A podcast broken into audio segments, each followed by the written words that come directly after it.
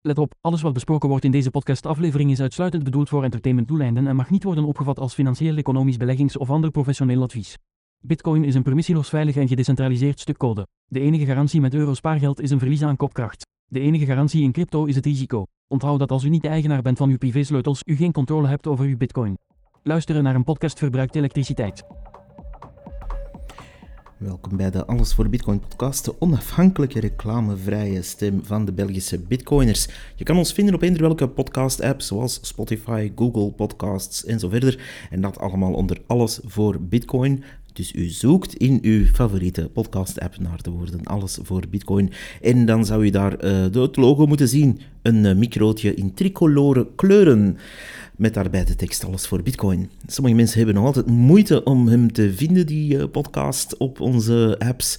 Uh, ja, ik zou zeggen, gewoon zoeken en dan komt u er wel. Of u gaat naar allesvoorbitcoin.be. Daar kan u ook de nodige links vinden naar alle soorten podcast-apps die dat aanbieden. Op Twitter kan u ons ook vinden, dat is @avbpodcast. En daar uh, kan je natuurlijk uh, ja, ons volgen heel de dag door, ook wanneer we ons ergeren aan bepaalde figuren online. um, verder is dit aflevering 73 op 8 mei 14 anno Satoshi. De blokhoogte is 788.803. Voor bitcoin betaalt u in euro's 25.399 en in US dollar 28.021. Dat is goed voor een 5.500 21 Big Macs.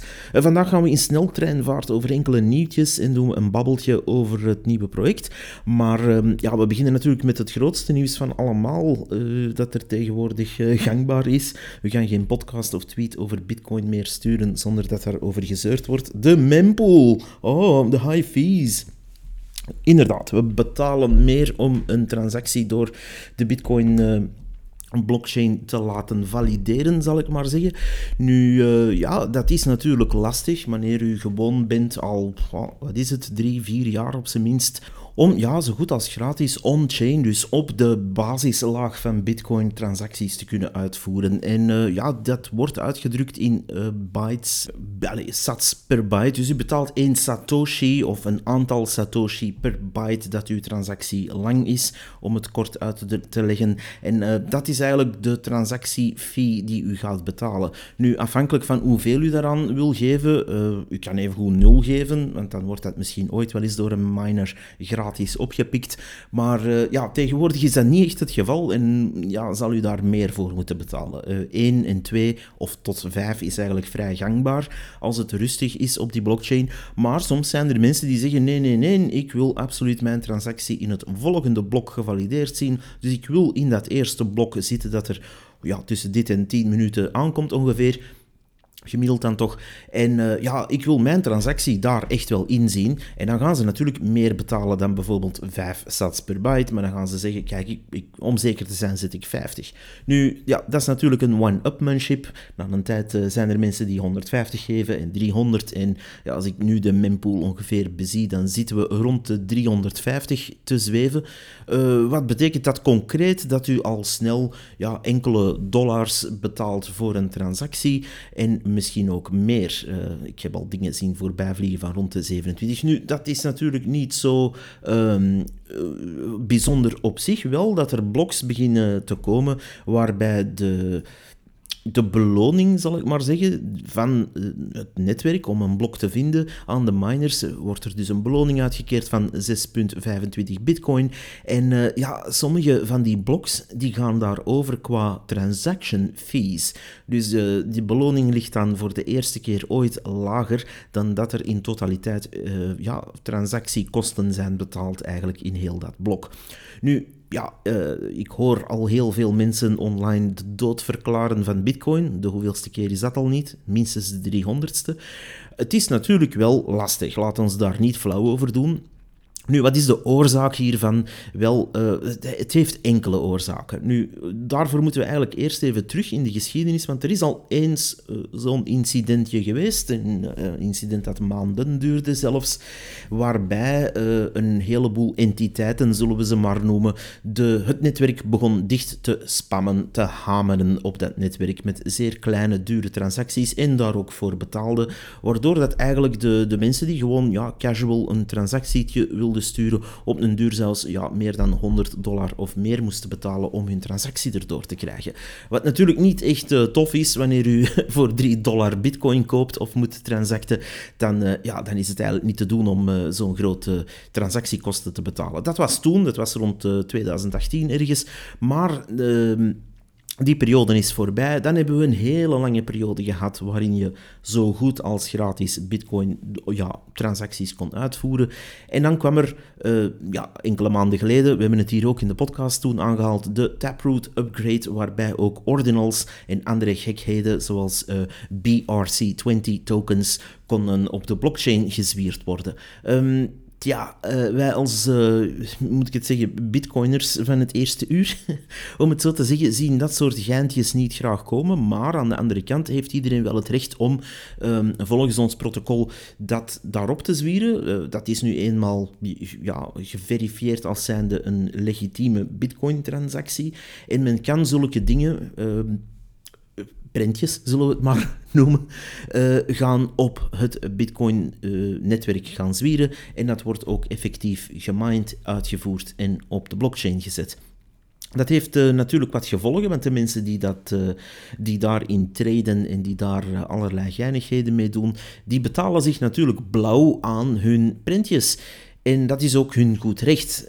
in die zin, als u per se een of andere eh, 8-bit afbeelding van een krokodil of een uh, phallus-symbool of een pp wil doorsturen, hey, dat is kei tof. Um, als u daar dan ook nog mega dik voor wil betalen, omdat u denkt dat u dat eruit krijgt, dan, ja, dan is dat ook uw goed recht. Want ja, op die blockchain kan je gewoon betalen om ja, als eerste of als zoveelste getransact te worden, gevalideerd te worden in het volgende blok. En sommige mensen doen dat ook, massaal zelfs, zodat er dus enorme uh, fees worden betaald. Nu, ja, ieder, ieder zijn portefeuille zal ooit wel eens leeg raken. Zeker dus de mensen die daarop zitten gokken en zitten uh, ja, te, te speculeren. Die moeten dat maar weten. Dat is in het verleden ook al gebeurd. Ergens op Ethereum. Iets met katten. Ik ben zelfs de naam al vergeten. het was toen vrij grappig. Trouwens, wie denkt van, ah, maar die bitcoin, zie je wel, het is nu dood, die transactiekosten zijn veel te hoog, laat ons gaan naar Ethereum. Wel, uh, die is er ook aan voor de moeite, want daar gebeurt natuurlijk in honderdvoud hetzelfde, uh, waar je ondertussen echt wel fors, fors moet betalen om god weet wanneer je transactie erdoor te krijgen. En uh, ja, dat is dan ook maar pech. Dus ja, wat is de oplossing? Wel, Bitcoin heeft natuurlijk een mooie structuur waarbij die basislaag uh, zeer duur betaald wordt als het heel druk wordt. En daar zijn natuurlijk sidechains en daar zijn natuurlijk ook een tweede laag, zoals het Lightning-netwerk. Dus maak daar voor kleine transacties ook gebruik van.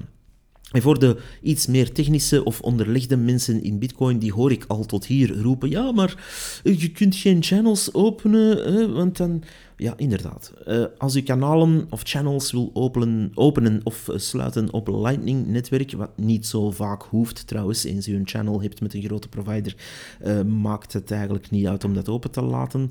Maar goed, ja, dat sluiten en dat settelen van zo'n kanaal wordt natuurlijk ook on-chain, dus op de bas basislaag van Bitcoin verrekend. En daarvoor moet u eigenlijk een traditionele transactie doen op het Bitcoin-netwerk. En dan hangt u er inderdaad ook aan voor hoge fees te betalen op dit eigenste moment. Nu, ja, dat is nu eenmaal zo. Dus de boodschap is, wanneer u uw transactie er eerst door wilt uh, zien gaan bij het volgende blok, of laten we zeggen binnen de eerste 4, 5 bloks, dan zal u fors moeten betalen. En dan zal u naar 300, 400, misschien achterin 500, 600 uh, sats per byte moeten gaan. En dat kan wel eens oplopen tot uh, ja, enkele tientallen dollars. Ehm, wanneer u daar niet wenst voor te betalen, wel, dan zit u ergens van achter in de queue, in de rij om uw ding te laten uh, uitvoeren. En uh, ja, de markt speelt daar. Dus de, de minder dringende en kleinere transacties voor retailgebruik, ja, die hebben er natuurlijk alle baat bij om die second layer en die uh, andere methodes te gaan gebruiken. Maar het is natuurlijk wel jammer om zien. En ik ga daar ook geen doekjes om winden. Uh, Bitcoin is dood, jongens. Oh. Nee, nee. ik ga er ook geen doekjes om winden. Het is niet leuk om te zien, omdat het natuurlijk uh, gaat om onnozeliteiten die toe zijn gelaten geworden op uh, het Bitcoin-netwerk. Dat daar consensus is over gekomen om Taproot te gaan ja, supporteren, dat is allemaal heel tof dat er daardoor ook een uh, soort van tokenization zou komen op het uh, blockchain. Uh, op, de, op de Bitcoin-blockchain.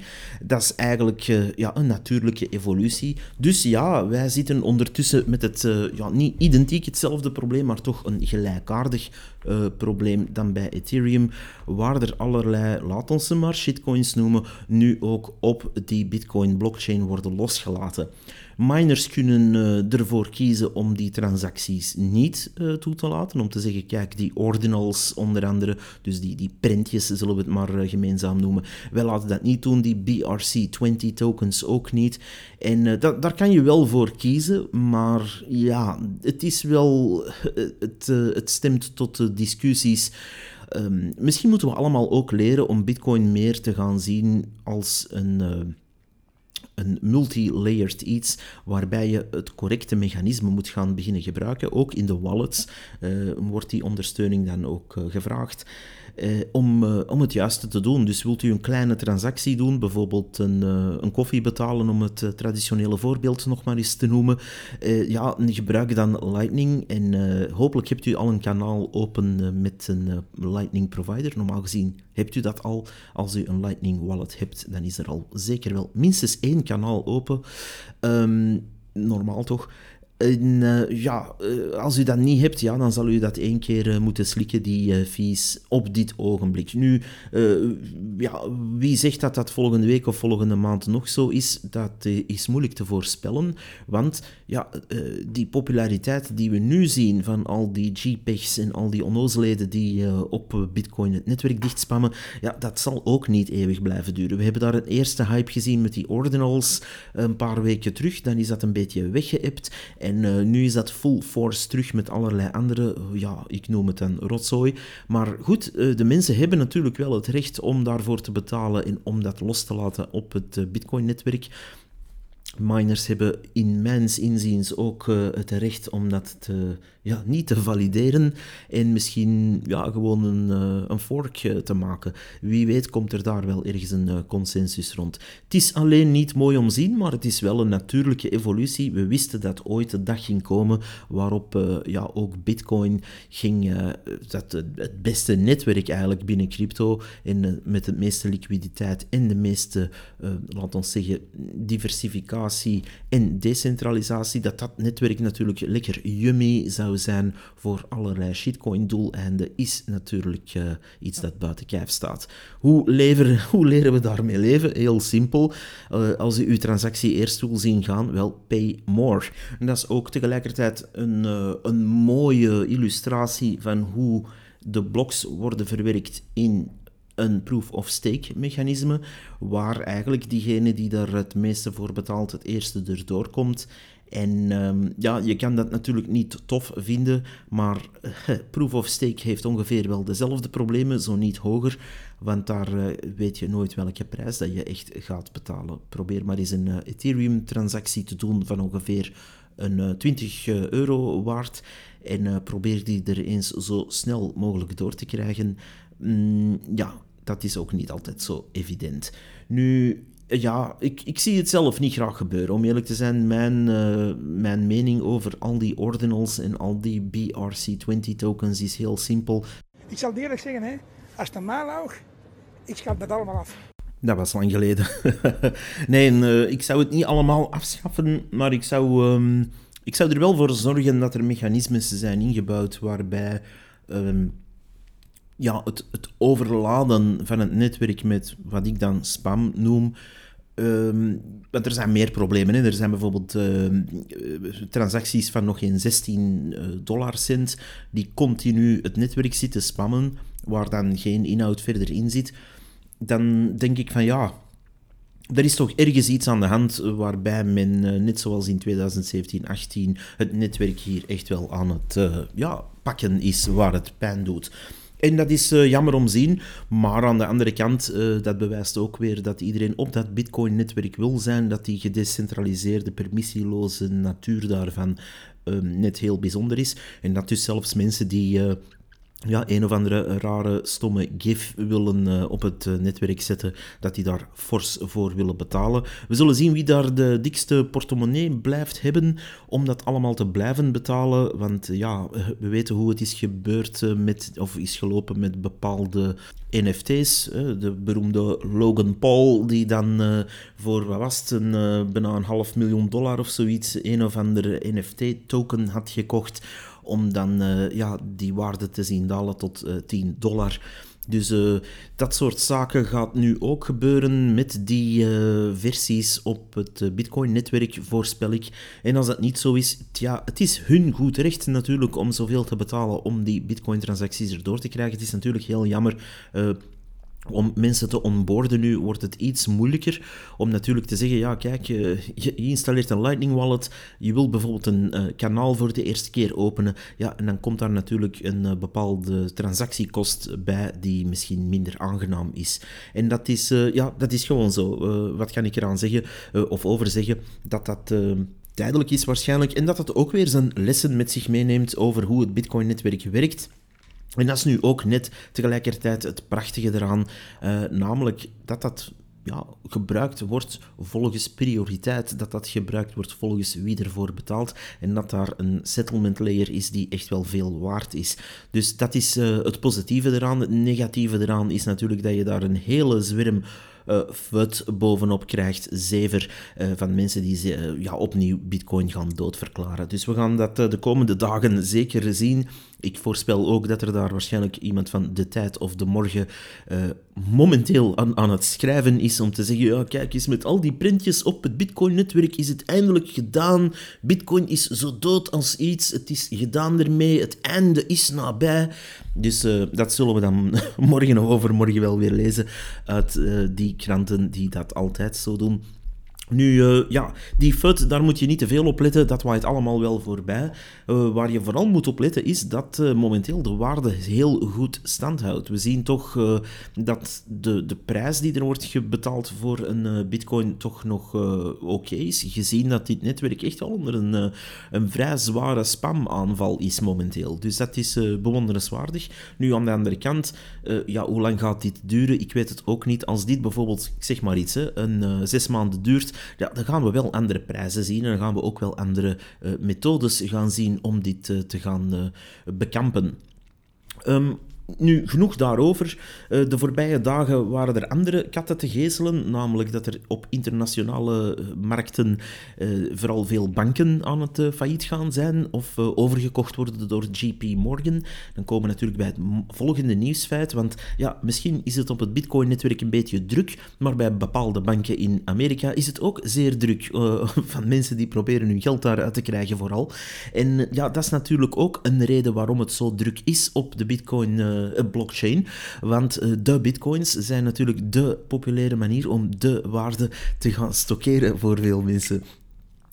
In die zin dat, um, ja, wat, wat zien we allemaal niet gebeuren? Er zijn vier enorme banken eigenlijk neergegaan en die worden dan min of meer gedwongen om op te gaan bij de groep van JP Morgan, die stilletjes aan ja, de nieuwe Gosbank zijn aan het worden. En ja, dat is een beetje een stokpaardje van mij. Ik zal eigenlijk die uh, die presentatie die ik daar ooit over gaf, die, uh, die ga ik eigenlijk als die een jaar voorbij is, ga ik die hier gewoon voorlezen.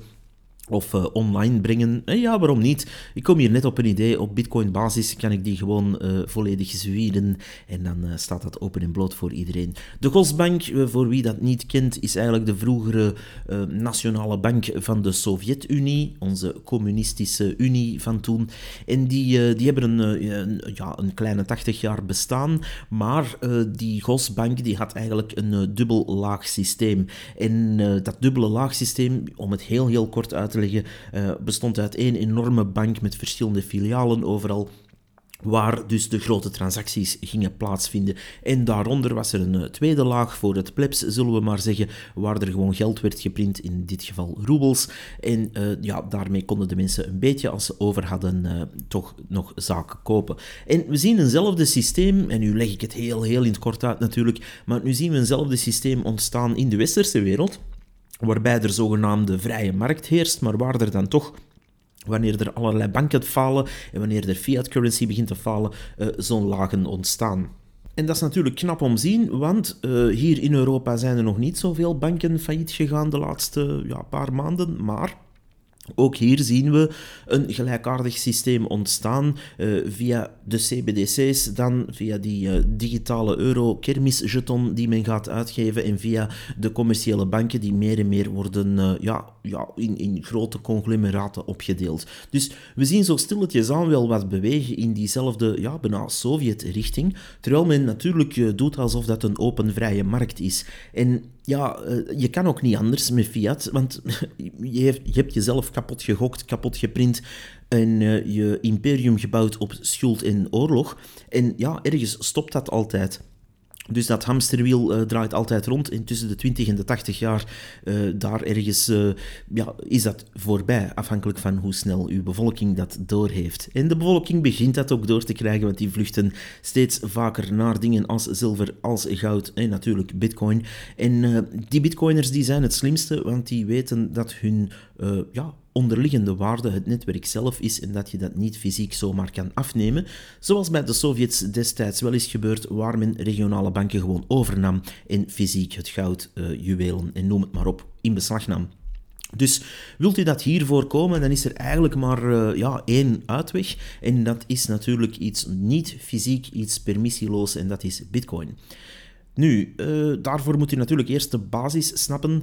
En dat hebben velen niet door. En we rijgen hier een ander nieuwsfeit aan, die Bit4You.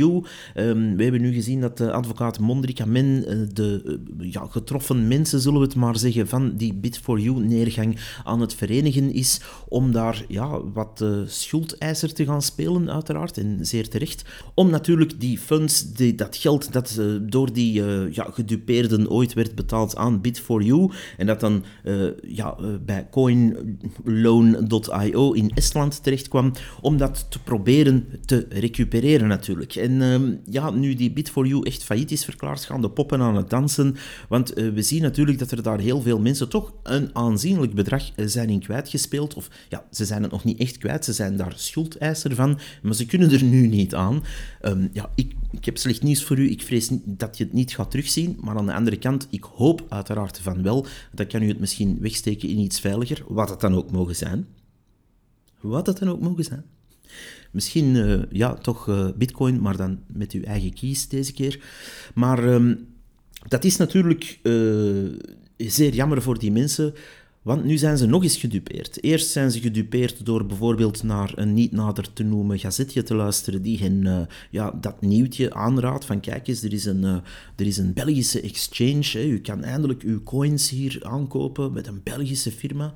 En dan blijkt dat een frontend te zijn voor iets in Estland. En ja, uh, men gaat daar dus hun geld deponeren. Men is dan eigenlijk dat geld kwijt, want ja, je hebt niet de keys over die coins die daar dan worden aangekocht en dat uh, verdwijnt naar het buitenland, dan bent u de eerste keer echt gedupeerd doordat het natuurlijk ja, niet kan afgehaald worden. Dan wordt u ook nog eens gedupeerd omdat dat uh, failliet gaat en ja, u dus eigenlijk schuldeiser wordt bij een of andere firma. En dan moet u zich ook nog eens gaan blauw betalen waarschijnlijk aan een advocaat om dat geld te proberen recupereren. Dus ja, uh, het is natuurlijk niet mooi om daar, eh, ik wil daar ook niet mee lachen, dat is echt niet leuk om mee te maken. En aan de andere kant, ja, uh, misschien moeten die mensen zich ook eens verenigen en DPG Media, om maar eentje te noemen, uh, aanklagen. Het is maar een idee, omdat uh, ja, de desinformatie die er is gekomen rond die firma toch ook wel uit die richting kwam. Wanneer er daar een minister of een politicus uh, naast zo'n man staat die eigenlijk niet meer speelt dan een frontendje voor een buitenlandse firma, en dat wordt dan ja, bij hoog en bij laag aangeprezen, dan is het wel jammer. En ere wie ere toekomt, de Vlaamse Federatie voor Beleggers heeft daar ook voor gewaarschuwd. En die, uh, hun tweets zag ik ook passeren. Uh, ik verschil wel eens van mening met die mensen, maar dat is ook gezond. Daar komen soms heel grappige en toffe discussies uit. Maar aan de andere kant, hier hadden ze 100% gelijk dat dit een loesje firma was, of dat dit op zijn minst een beetje uh, raar rook naar ja, een, een zweem van schimmigheid, zullen we het maar noemen. En ja, ze hebben daar gelijk gekregen, dus ere wie ere toekomt, dat is ook helemaal zo gelopen. En ja, zoals ik in aflevering 71 heb voorspeld, er volgen er zo nog. En je kan eigenlijk perfect voorspellen waar die volgen. Je hebt maar de bekende naampjes te volgen op uh, Instagram en Twitter. En dan... Uh, ja, dan zie je daar de ene na de andere dezelfde exchanges aanraden. In dit geval dus die OKX, waar ik voor waarschuw om uw geld niet in te steken. Nogmaals, dus zoals ik heb voorspeld in uh, aflevering 71, wanneer je zulke uh, zeer shady, dodgy figuren uh, dat ziet aanprijzen omdat ze daar een referral link van 20% zitten te chillen voor ja, hun boterhammetjes te eten die maand, dan weet je eigenlijk al genoeg. En dan kan ik alleen maar zeggen stoot u niet twee, drie, vier, vijf keer aan dezelfde steen, alsjeblieft, wanneer je zulke figuren ziet opduiken, wanneer die referral links u om de oren vliegen, pas dan op. Want waarom geven ze die referral links niet om u rijk te maken? Nee, om u uh, ja, in een carousel te duwen waar u waarschijnlijk nooit meer uitgeraakt met uw geld. Dus... Wat is wel het alternatief? Ofwel stapt u er volledig niet in en blijft u gewoon ver weg van alle crypto. Dat is wat de meeste Belgen doen. En dan uh, komen ze terecht bij de defensieve funds van uh, bepaalde grootbanken. Daarover zelfs meer. en uh, dan verlies je op een andere manier, maar trager en lemer. Um, met minder risico. Maar uh, dan hebt u natuurlijk uh, ja, uw best gedaan. En aan de andere kant uh, kan je natuurlijk in bitcoin stappen en zeggen, kijk, ik bezie dat op lange termijn en ik heb mijn eigen kies vooral. Ik ga geen middleman of geen exchange te lang gebruiken. Ik ruil mijn waarde om. Ik haal mijn bitcoins eruit, zodat ik zelf die waarde heb hoeveel of hoe weinig dat ook is, want u kan uh, voor heel kleine bedragen dat doen. En dan uh, spaart u daarin en dat hebt u zelf onder controle, zolang u zelf uw private keys hebt. En dat is eigenlijk vrij simpel. Dus dan komen we bij het, uh, ja, het, het, finale stuk eigenlijk van deze aflevering, waar ik mijn eigen project ga chillen. En dat is bitcoinbasis.be. En ik heb daar geen referral link voor nodig, want ik verdien daar geen centjes op. al het al de moeite die er wordt gedaan door mensen uit de community om dat uh, online te houden en te brengen, uh, gaat rechtstreeks naar dat project uiteraard. Nu, dat uh, project loopt, loopt goed, in die zin dat we daar een kleine vier dagen nu mee bezig zijn en dat we daar vooral die basisafleveringen. Ze schommelen tussen 1 minuut en 2 minuten, ergens daartussen, afhankelijk van het onderwerp natuurlijk. Um, het, de eerste prioriteit is dat in het Nederlands maken en in het Engels. Dus elk onderwerp zal zowel een Engelse als een Nederlandstalige versie hebben. Uh, ik wissel het Vlaams in het Nederlands-Nederlands af, uh, gewoon om de beide stukken van de taalgrens tussen Vlaanderen en Nederland te bedienen.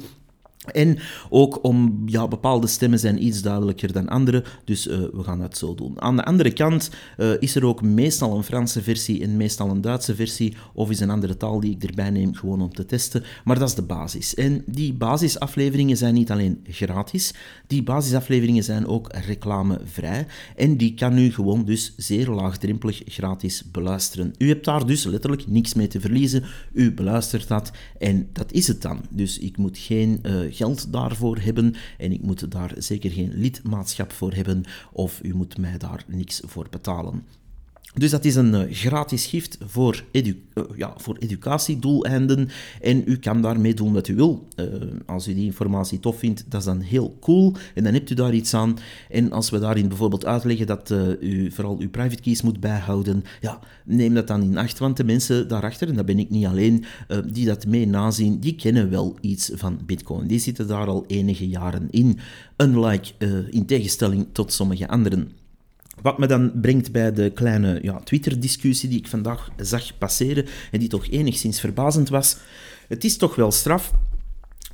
En ik ga de naam niet noemen, het, het maakt niet uit, het zijn er elke keer andere. Maar er is dan iemand uit, een, uh, uit de financiële wereld die senior whatever is op een uh, grootbank. En uh, ja, proficiat daarvan, dat is, dat is een mooie prestatie. En die, uh, die vond het nodig om vandaag uh, te zeggen van kijk, uh, ja, bitcoin is op één dag 6,2% gedaald. dus we, we, zitten aan dit jaar, vanaf 1 januari geteld, ik, ik gok er nu een paar procent naast met opzet naar beneden, rond de 68% omhoog. Ik dacht zelfs dat het rond de 80 was, maar goed, we gaan het onderschatten met opzet.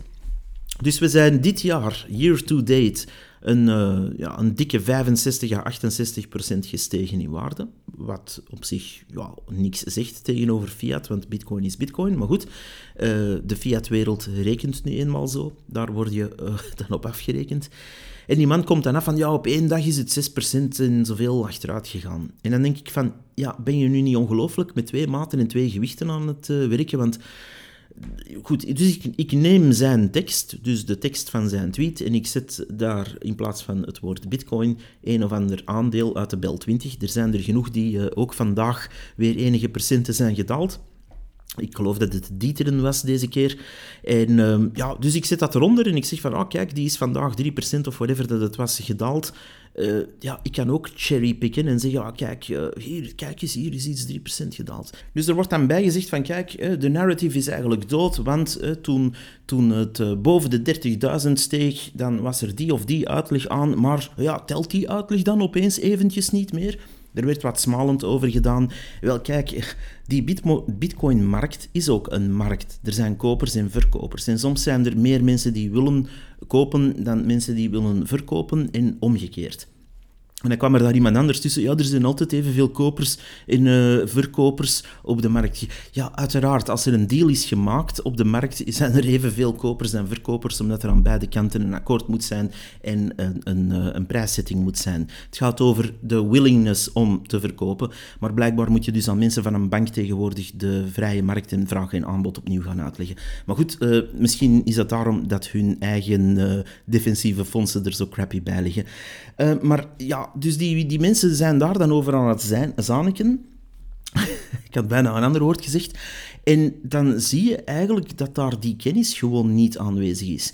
Want dan, dan wordt er een beetje weerwerk gegeven van, ja, kijk, er, er is niet altijd een one-shot oplossing, of er is niet altijd een one-liner. Ah, waarom stijgt bitcoin nu? Ja, dat is niet uh, sommige bedrijven zetten bijvoorbeeld een nieuwe fabriek neer of uh, hebben een nieuw product dat het supergoed doet het uh, laatste kwartaal. Ja, dan heb je een duidelijke hoofdreden waarom bijvoorbeeld het aandeel stijgt. Of hun dividend is gedaald of gestegen, wat dan ook. Er is altijd één hoofdreden waarom dan zo'n aandeel stijgt of daalt. En dan zijn er nog wel een paar zijredenen die meespelen, maar meestal is er dan één uitgesproken reden. En die traditionele beleggers zoeken dat soort one-liners, dat soort simpele, eenvoudige uh, uitleggetjes ook voor Bitcoin en de cryptomarkt in, in het breed dan. Um, wel, dat is er niet altijd. Er zijn ook meer uitgesproken redenen. Bijvoorbeeld nu die spam-attack die we zien, of dat, con die congestie op, de, um, op het uh, netwerk. Ja, dat zal zeker een beetje meespelen. Maar om nu te zeggen, is dat nu de hoofdreden? Ja, er zijn andere dingen die dat dan weer uh, uitlevelen, zoals ja, de vlucht uit de banken en uit de fiat-wereld. Dus er zijn allerlei spektakels die altijd tezamen um, spelen.